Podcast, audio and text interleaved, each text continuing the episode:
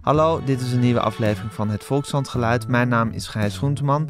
Ik praat zo meteen met Marije Vlaskamp. Zij was jarenlang correspondent in de Volksrepubliek China. Tegenwoordig werkt ze hier op de buitenlandredactie van de Volkskrant. Met uiteraard een uh, speciale uh, nieuwsgierigheid naar Chinese kwesties. En uh, ze schreef een fascinerend verhaal over een Oeigoerse dissidente in Nederland woonachtig. En deze dissidente kwam via via uh, aan geheime documenten die explosief zijn en haarzelf ook in gevaar brachten. Daar is een fascinerend verhaal over geschreven, maar laten we eerst luisteren naar het geluid.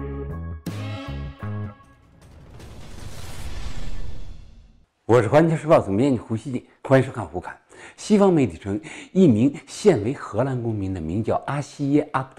wie horen we hier, Marije? Nou, we horen niet de minste hoor. Eh, dat is uh, Jin, dat is de hoofdredacteur van de Global Times. De Global Times is een, een populaire eh, tabloid. Die hangt onder het Volksdagblad. En het Volksdagblad, dat is de spreekbuis van de partij in China. Dus wat er in het Volksdagblad staat, zo denkt de partij. En uh, die Global Times slaat af en toe een wat minder officiële toon aan. Dus uh, het, het, cliché in China is altijd uh, wat in de Global Times commentaren wordt gezegd, is wat de Chinese uh, partijleden, ambtenaren denken, maar niet hardop tegen de media kunnen zeggen. Ja.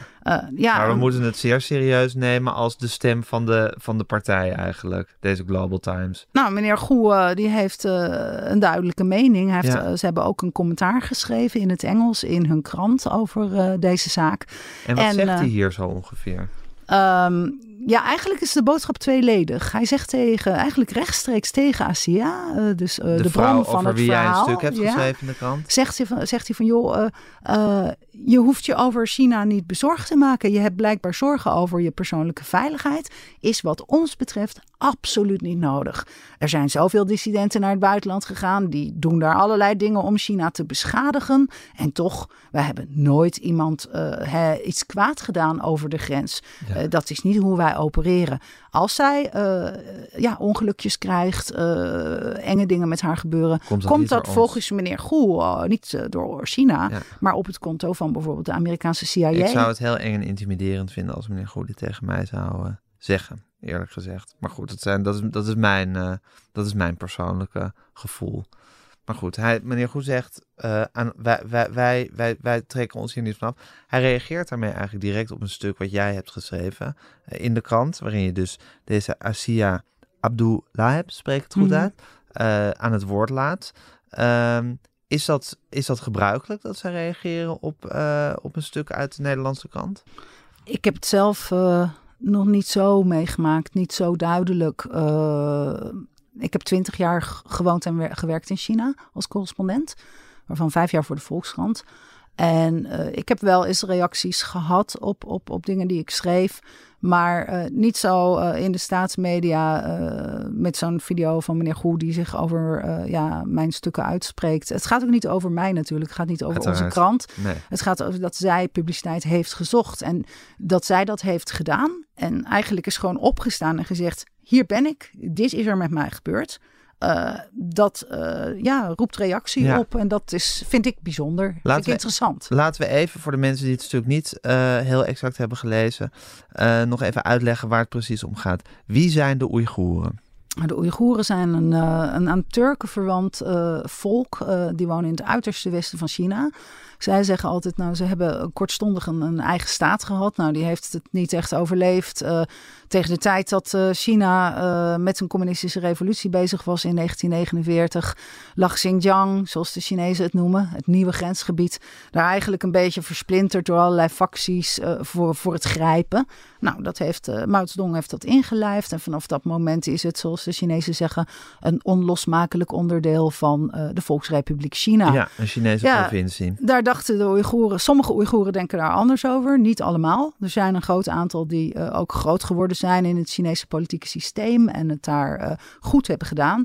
Maar er bleef bij veel Oeigoeren altijd een, een, gevoel van, nou, onze eigen taal, onze cultuur, onze ons geloof. geloof, het zijn moslims, staat onder druk. Die autonomie die ons beloofd is in hè, die Chinese staatsvorm van een autonome regio, geeft ons niet genoeg autonomie. Dus eerst werd daarop gepusht van, nou, wij willen toch meer autonomie. Toen, ja, kregen ze dat niet echt gelijk. En ja, toen is er uh, toch iets van een beetje een veenbrandachtige onrust ontstaan, die vanaf, laten we zeggen, uh, begin jaren negentig uh, ook werd geuit in ja, terreuraanslagen. En dat ging eerst vrij klunzig, met een landbouwvoertuig inrijden op het plaatselijk politiebureau van een of ander stoffig woestijnstadje. Maar werd steeds groter. Tot aan dat ze dus dat de Oeigoerse ja, groepjes op het plein van de Hemelse Vrede in Beijing met een, een auto inreden daar op mensen. Ja, dat zijn high profile, meer high profile aanslagen. Ja, terroristische aanslagen. En toen hebben ze in China op een gegeven moment gezegd van jongens, als we niet uitkijken, dan hebben we weer een homegrown versie van islamitische staat in huis. En daar moeten maatregelen tegen komen. Die maatregelen zijn zo begonnen in 2014 in, in de vorm van allerlei de-extremisatiemaatregelen, zo noemen ze het. Ja. En ja, één onderdeel daarvan is dus uh, wat China zegt, het, het maken van uh, trainingscentra. Ja. Waar Oeigoeren op vrijwillige basis gederadicaliseerd, gederadicaliseerd worden. worden. Door het leren van Chinees, het leren over de Chinese wet, uh, staatskunde, handige vaardigheden ja. op de arbeidsmarkt. Dus je bent een, een radicale Oeigoer en dan ga je vrijwillig in zo'n kamp zitten om gederadicaliseerd centrum, te worden. Een centrum, centrum, een centrum zitten om gederadicaliseerd te worden. Ja, en dan mag je er na een tijd uit. Het werkt met een punten stelsel. Van als jij vandaag uh, heel goed uh, uh, het boek van Xi Jinping hebt gelezen en daar een stukje uit kon voordragen, krijg je puntjes. Ja. En als jij al je puntjes hebt, dan mag je naar een hartstikke leuke fabrieksbaan buiten zo'n trainingscentrum. Verdien je wat meer en dan begrijp je ook waarom hè, de Chinese staat uh, ja. zo bezig is als die bezig ja. is. Dus ze proberen eigenlijk hun eigen manier van denken, dat economische ontwikkeling iedereen vooruit kan helpen, uh, te projecteren op een, uh, ja, een minderheidengroep. Je kan ook zeggen, het is een soort Guantanamo Bay, die kampen. Nou, er staat in de werkinstructies die uh, mijn bron beweert uh, te hebben gelekt uh, ja. twee weken geleden. In die Chinese werkinstructies. En in andere geheime Chinese documenten over die kampen staat gewoon heel duidelijk dat signaal, het, het wassen van de hersenen, uh, een heel belangrijke activiteit is daar. Omdat de hersenen van die ja, ja, geradicaliseerde is, mensen geïnfecteerd fijn is dat, zijn. Fijn is dat, dat China zegt, of de partij zegt, uh, dit zijn eigenlijk vrijwillig centra waar mensen ja. vrijwillig in zitten ja, om gederadicaliseerd te worden. Bedoeld. Goed bedoeld. En, en het Westen en de zou hiervan kunnen zeggen, leren. Het zijn, het zijn strafkampen waarin mensen worden opgesloten en gehersenspoeld. Ja, ja, ja. Maar dus de Chinezen dat is, dat zeggen zelf ook dat hersenspoeling ook een van de methodieken is. hoor. Dat zeggen ze in maar goed, er is toch, toch een, toch, een, toch een soort ander, ander uh, uh, een verschil van manier waarop je deze centra slash kampen omschreven worden. En het feit is dat uh, de dame die jij aan het woord laat, een Oeigoerse vrouw die hier in Nederland woont, die heeft via via, niet helemaal duidelijk hoe, maar via via heeft zij ja, een soort Chinese instructieboeken gekregen. Nee, nee, geen boeken. Uh, ze, heeft, uh, ze staat aan het eind van een hele korte keten van uh, Oeigoeren. Die documenten hebben bemachtigd. Chinese documenten, interne documenten voor die ambtenaren die die kampen of trainingscentra, zo je wil, de dagelijkse leiding daarvoor hebben. Ja. En die daar staan natuurlijk allemaal instructies in van hoe run je zo'n uh, zo'n faciliteit. Ja. Hè? En daar is een van de dingen die heel belangrijk wordt gevonden: het uh, correct afsluiten van, uh, van deuren en gangen. Om te voorkomen dat mensen ontsnappen. Ja. Nou, klinkt dan niet zo vrijwillig. nou ja, daarom... Maar Marije, even los van alles, maar het is toch ook volstrekt ongeloofwaardig dat, dat radicale activisten vrijwillig in een in een kamp zitten gaan, of in een, in, op een plek gaan zitten waar ze gederadicaliseerd worden. Het dat staat niet toch. alleen om activisten. Uh, dat is veel te nauw gedefinieerd. Uh, je hebt in China uh, veel grotere selectiecriteria voor wie er in aanmerking komt voor zo'n trainingscenter. Als jij familie in het buitenland hebt, dan kan jij al besmet raken met radicale ideeën. Als jij een baard hebt laten groeien, als je WhatsApp gebruikt of speciale software om filmpjes down te loaden, uh, als je een kind hebt wat studeert aan een universiteit in Egypte. Dat zijn allemaal redenen voor zowel het veiligheidsapparaat als uh, ja, een computersysteem aan te slaan op jouw naam en te zeggen: hé, hey, dat is een mogelijk ja, problematisch want dat geval. Gaat ook in China hebben ze het algoritme ontdekt. Ja. Nou, dat, is, dat klinkt heel aanmatigend. Waarschijnlijk hebben ze het algoritme gewoon Ik denk dat zij het algoritme ongeveer. eerder hebben ja, precies. wij hoor. Dat is, dat is alsof het een debiel volkje is. Het tegenovergestelde is waar. Uh, ze gebruiken ook algoritmes om mensen als dus uh, uh, uh, mogelijkerwijs in aanmerking komen voor dit soort plekken uit te selecteren. Ja, er is een volgens die documenten en we hebben die verhalen ook eerder gehoord maar wat meer sporadisch en niet zo uh, duidelijk afkomstig uit de eigen Chinese bronnen, uh, is er dus een softwareprogramma, uh, een computer, een megacomputer, die alle informatie die bijvoorbeeld wordt verkregen door buurtcomité's, door politie, door je leraar op school, door je buren, alle informatie die je maar kan krijgen verwerkt. Dan is er natuurlijk ook nog een component van informatie die je uit mensen door internetgedrag, hun telefoon. Uh, hey, als je in Xinjiang komt, hoor ik van uh, collega's en hoor ik ook van uh, Chinese vrienden en van Oeigoeren zelf. Dan wordt er een appje op je telefoon gezet. die gewoon even afleest, als je daar de grens over gaat. Die gewoon even afleest, wat heb je allemaal in je telefoon zitten. En dan is jouw telefoon daarna veilig en gezond. Het gaat er vooral aan He, het wordt in China gepresenteerd als een gevecht tegen een levensgevaarlijke infectie ja. van extremisme. En he, op die manier wordt iedereen veilig en ja, gezond gemaakt. Alsof je een ziekte aan het bestrijden bent. Inderdaad. Ja, die, die analogie wordt veel gebruikt. Uh, dan is het wel zo, en ik denk dat dat ook iets is wat uh, in Nederland misschien wat minder bekend is, dat Chinezen geloven echt heilig in het heropvoeden van mensen. Dat, hebben ze, dat doen ze met, met, met zichzelf ook. Hè. Hans Chinezen zijn ook in grote getalen heropgevoed uh, door de geschiedenis van de Volksrepubliek heen.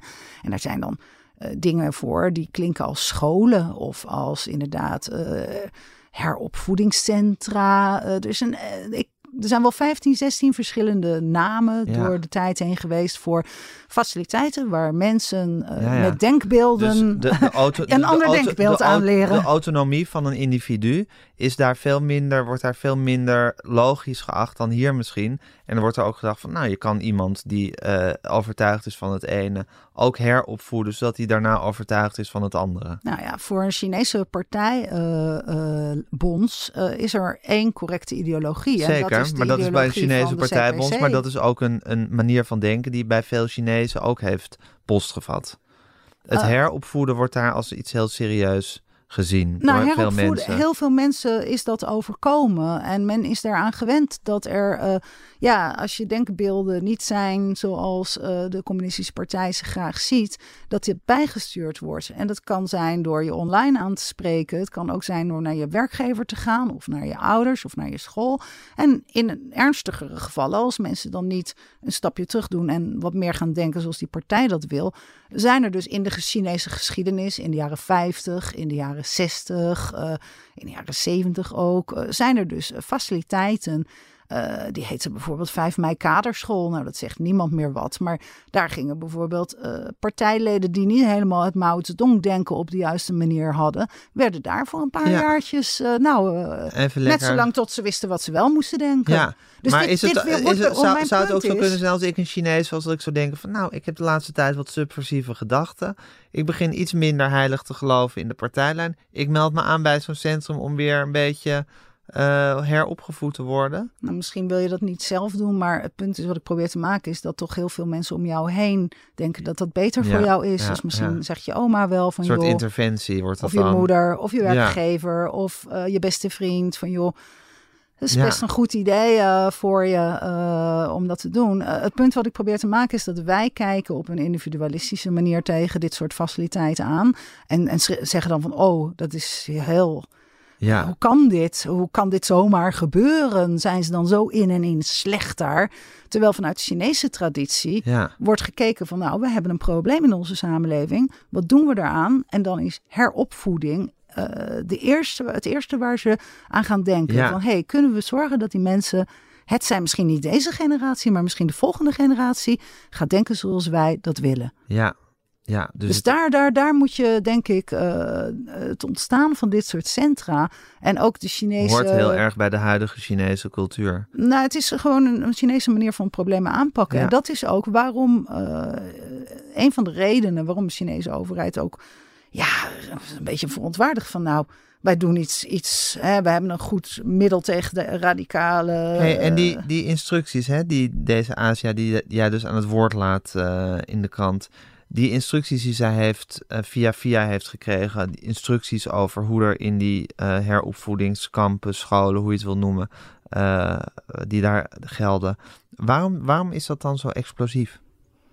De Chinese overheid heeft eigenlijk een, interessante geschiedenis van ontkenning rondom deze trainingscentra. Rondom wat in de westerse pers kampen werden genoemd destijds, al een aantal jaren. Kijk, journalisten kregen dat sporadisch bewijs. mensen die eruit ontsnapt waren, nou, of ze gingen daar naartoe en zagen het dan ver weg. Er zijn satellietopnames geweest. En China heeft steeds gezegd: Nou, dat is onzin. Wij hebben geen kampen. Helemaal niet. Ze bestaan gewoon niet. Nou, op een gegeven moment waren ze te groot geworden om nog te verstoppen. Want je zag ze op de satelliet. En toen hebben wetenschappers en, en, en activisten zitten puzzelen. En een flink aantal van die kampen uh, echt geïdentificeerd. En ook gezien hoe die dingen groter en groter werden. En als je erop inzoomde, kon je zelfs een prikkeldraad zien zitten. Dus toen zag het er ook al wat minder vrijwillig en prettig uit. Toen heeft de Chinese overheid uh, vorig jaar een draai gemaakt en gezegd: ja. Er is wel wat gebouwd daar in die woestijn, maar dat zijn trainingscentra voor onderwijs op vrijwillige basis. Dus toen hebben ze het zo als een heel goedaardig initiatief om radicalisering en terreur in hun samenleving te voorkomen gepresenteerd. Ja, ga dat die versie maar eens onderuit vegen als je er niet in kan. Je kan er niet bij komen. Uh, ja. hoe moet je dan bewijzen dat daar wat anders gebeurt dan wat de Chinese overheid zegt? Nu, in deze documenten, zien we dus instructies en rapportages vanuit het systeem wat die kampen runt. Of wat die centra runt. En dan lees je daar dus dingen dat er bijvoorbeeld een, een heel harde, heel stevige, serieuze veiligheidspolicy op ontsnappingen is. Dat moet ten alle tijden worden voorkomen. Uh, absolute geheimhouding staat in een van de punten van mag niet over worden bericht, informatie mag niet naar buiten.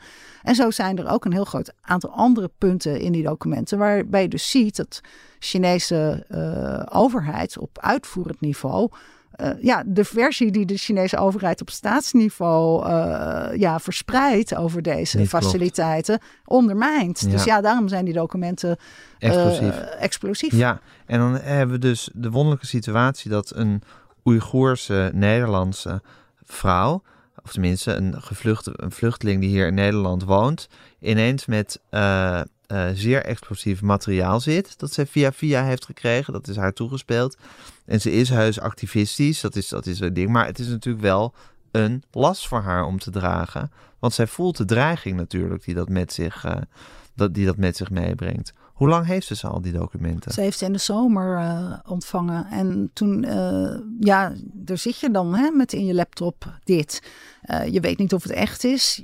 je weet niet hoe je het dan naar buiten moet brengen. ga maar zoeken. Dus dat was nog wel een lange weg. Je weet niet hoe gevaarlijk het is om het in je bezit nou, te hebben. ik denk dat je dat als eerste wel dat weet. weet want er staat namelijk wel. een stempel op. En dat is chimie. En dat betekent geheim. En je het is gewoon uh, gevaarlijk om dat soort dingen te hebben, dat weet je gewoon. En ja. zij wist dat zeker, want het is uh, een uh, goed opgeleid iemand die haar hele leven in China eigenlijk gewerkt heeft voor staatsinstellingen. spreekt ook heel goed Mandarijn. Dus hè, iemand die echt wel weet hoe het overheidssysteem in elkaar zit. Als je dan zo'n stempel ziet, dan denk Met je ook Jimmy. van... Daar heb ik, ja, hoe moet ik, hoe Ja. doe ik dit? Ja, Dat was, eh, daar is, is ze lang mee doen? bezig geweest. Ze heeft eh, eh, ja, een screenshot op Twitter geplaatst in de hoop dat er mensen op af zouden komen. Nou, er zijn onder haar eigen naam? ja, onder, haar handle, haar eigen Twitter-handle. Dat was niet slim van haar, zegt ze zelf achteraf ook. Want ja, dat is misschien ook gezien door mensen die het liever niet hadden gezien. Of beter niet hadden kunnen zien. Maar ze heeft daarbij wel een contact, contacten weten te leggen met een aantal uh, gerenommeerde experts op uh, Xinjiang-gebied. Ja. Die ook inzicht hebben in hoe overheidsdocumenten uit die regio normaal zijn opgesteld. De Duitser Adriaan Sens. Ja, Adriaan Sens. Uh, en ik, er was nog iemand anders die er ook bij behulpzaam is geweest. Uh, die hebben haar uh, vervolgens uh, ja, ook, ook waarschijnlijk weer ge geïntroduceerd bij journalisten die daar eventueel iets mee zouden kunnen. En uiteindelijk is het dus het International Consortium of Investigative Journalists geweest die er een project van hebben gemaakt. waardoor ook een groot aantal media tegelijkertijd publiceerden. En dat was nu twee, bij meer, iets meer dan twee weken geleden. Dus het is een heel lang proces geweest. Ja, en een heel intimiderend proces. Ondertussen is haar ex-man nog aan een... Want ze heeft geen relatie meer hè, met uh, Nee, haar... ze zijn uit elkaar. Ze zijn uit zijn, elkaar. Uh, maar, maar ze zijn nog wel heel goede vrienden. Ze Ze, zijn nog hebben twee kleine vrienden. kinderen. Ja, haar ex-man is aan een wonderlijk... Uh, op een wonderlijke manier benaderd eigenlijk. Ja, bewijzen kan ik dat niet. Ik heb alleen zijn verhaal. Hij heeft alleen screenshots van één conversatie. Hij heeft zijn vliegtickets en wat Wat zegt wat hij dat er gebeurd is? Hij uh, werd uh, met een smoesje uh, naar Dubai gelokt. daar zou hij een oude vriend zien. Die oude vriend was daar ook, maar die werd omringd door mensen die zeiden dat ze voor de Chinese Staatsveiligheidsdienst werkten. En daar is hij vijf dagen, ja, vijf dagen op vakantie met Staatsveiligheidsdienst. Wining en dining in de avond en overdag toeristische uitstapjes maken. Waarbij kleine steken onder water werden gegeven. Van kijk, zo'n grote woestijn. Als je hier een lijk dumpt, vind je het nooit meer terug. Uiteindelijk werd heel snel duidelijk van wat willen die mensen nou met mij? Ja, dat, dat hij zou inbreken in haar computer. Ze wilde die documenten hebben. Hij wist niet hoe, wat er in die documenten stond. Want ja, hij is minder, hij is minder in, deze, in deze materie en, en dan zijn ex-vrouw. Nou ja, ja, En, en zij is natuurlijk ook, ja, bedoel, des te meer mensen er in dat, dat hele geheime stadium van wisten, ja. uh, des te gevaarlijker het wordt. Dus hij had er niet naar gevraagd en zij vertelde er niks over. Dus, Ja. Maar hij had wel, natuurlijk daar kreeg hij het gevoel van, jee, toch wel iets aan de hand. Ja, Uh, dus nou ja, toen weer terug thuis uh, ging hij met haar natuurlijk daarover in gesprek. En toen werd duidelijk wat het precies behelsde. En toen zijn ze heel erg bang geworden. Uh, want hij wist eigenlijk ook niet wat er aan de hand was. hij, eh. hij wist niet dat zij dit had, Nee. uh, dat het zo groot was. nee, dus uh, toen werd het A duidelijk wat, wat, wat, wat zij had en hoe groot het was. En B werd toen ook duidelijk dat, dat ze eh, gewaarschuwd werden. Op vrij, eh, Ja, toen vertelde zin. zijn natuurlijk ook wel meer dingen die er waren gebeurd. En er kwamen ook vreemde eh, mensen die ze al, nou ja, vage kennissen die ze al jaren niet hadden gezien, ineens zomaar aan de deur. Met uh, we willen even binnenkomen. En uh, Ja, ze, weten jullie? eigenlijk nu helemaal niet wie er nog te vertrouwen is. Ze hebben er aangifte van gedaan. Dat schijnt ook doorgespeeld te zijn naar de AIVD. Uh, maar ja, dan voelden ze zich toch nog niet zeker en veilig genoeg. Dus vandaar dat ze ja, zichzelf nu hebben blootge uh, ja, blootgegeven Want eigenlijk. dat is eigenlijk de manier, de, de verdediging uh, die ze nu hebben gekozen. Ja, Namelijk totaal open kaart spelen. Zeggen, uh, naam, toenaam, foto, alles. foto, wij hebben dit. Het is via ons naar buiten gekomen. Als er iets met ons gebeurt, dan weten we waarschijnlijk waar het vandaan komt. Ja. Dat, dat is eigenlijk dan de...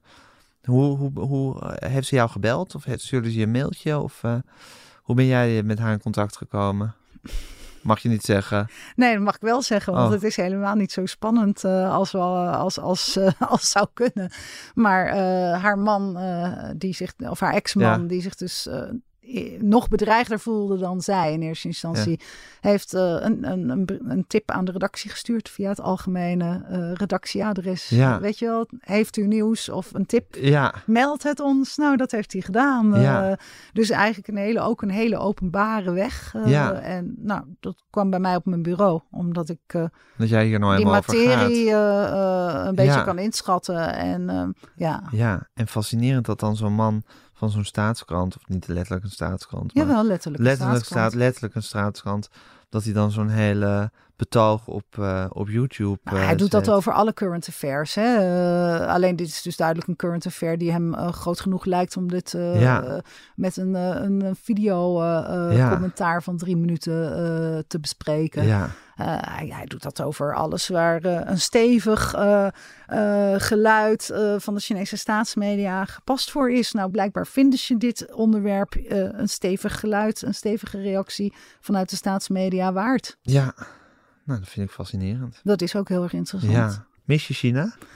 Ik mis het eten verschrikkelijk. Oh ja? Ik mis het eten... Gefrituurde uh, eenden, vin en zo, dat uh, soort dingen. ochtends schapenkoppensoep met, uh, met, ja, met flatbread. Smiddags een uitgebreide vegetarische lunch. En s'avonds nog even wat jouten. Wat kwal, wat gebakken kwal. Ja, het is gewoon heerlijk. Ja, het uh, is even een overgang om uh, terug te komen in een land waar je twintig jaar niet meer hebt gewoond.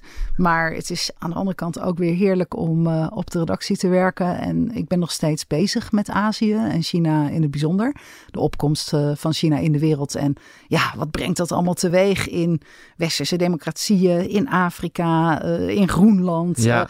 de wereld is... Het zit overal, hè? Het zit, ze zijn overal, ze de zijn Chinezen overal zijn bezig. overal actief. Hun Ja. Uh, economische uh, beleidsplannen hebben overal in de wereld impact. Hun aanwezigheid groeit. Dus uh, ja, na twintig jaar in de Volksrepubliek China is het voor mij ontzettend interessant om nu te kijken hoe de Volksrepubliek zich buiten China in de gedraagt. wereld is. Kan Ja. ik me voorstellen. Blijf je het volgen, Marije, deze hele zaak? Ja, natuurlijk. Het verhaal over Xinjiang begint eigenlijk nu pas aan, aan, aan, aan snelheid en aan impact te winnen. Ja. Uh, het is jarenlang. Uh, Heeft het vastgezeten heeft, eigenlijk? Is het, was het laag op de agenda? Het was onduidelijk. Uh, het is moeilijk om daar, daar naartoe te gaan. Informatie is, is, is verbrokkeld, sporadisch. En nu merk je dat het echt een verhaal gaat worden. Dit is best wel het jaar van de doorbraak voor die Oeigoerse diaspora. Dat ze mensen niet meer naar ze kijken. Oh, Oeigoeren, wat zijn dat? Ja. Iedereen kent bijvoorbeeld de Tibetanen. Iedereen kent ook Chinese dissidenten uh, Ja, die het Taiwan. moeilijk hebben. Kwestie Taiwan kent iedereen. Hongkong, uh, mensen redelijk over geïnformeerd. Maar Oeigoeren en Xinjiang, dat was altijd ja, Onduidelijk. ver weg. Uh, Ja. Niemand wist er uh, al te veel Dus van. dit is ook een soort. Het, het, verhaal begint nu journalistiek gezien ook interessant te worden, eigenlijk. Nou, Omdat- het was al interessant. Ja. Alleen het probleem is dat uh, het vrij beperkt bleef. Ja. Omdat ja, je kon of had je de Oeigoerse activistenkringen. Nou ja, die hebben ook gewoon zo hun eigen agenda's. Of je had wat de Chinese staat over die, die, die situatie zei. Nou, dat is hun waarheid. Uh, eigenlijk zelf aan onafhankelijke waarheidsvinding doen. Uh, dat is heel erg moeilijk. Er zijn een aantal collega's die daar baanbrekend werk op hebben verricht. Maar dan moet je bij wijze van spreken specialistenteams voor vrijmaken. Om een, een heel klein stukje van die, die waarheid, van die feiten daar in Xinjiang te kunnen uh, belichten. Nu zie je dat het onderwerp op iedere westerse politieke agenda staat. Er is ook heel veel belangstelling voor uh, Asia gekomen uit uh, het buitenland. Van hey, iemand die dit verhaal kan vertellen, die niet behoort tot de usual suspects van Oeigoerse Ja. dissidenten die altijd wel uh, benaderd worden. Ja. Dus wat dat betreft krijgt het nu een, een ander tempo, uh, Andere dit verhaal. dynamiek. Het wordt, is heel erg interessant. Ja, ik ben benieuwd. We Ja. blijven je volgen, Marij. Wij, jij blijft dit volgen en wij blijven jou volgen. Dankjewel.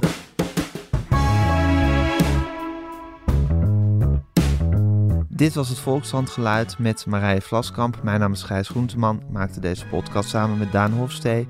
U kunt zich abonneren via alle geëigende podcastkanalen. En u kunt dus ook een mailtje sturen. Podcasts, met een S op het eind, volkskrant.nl.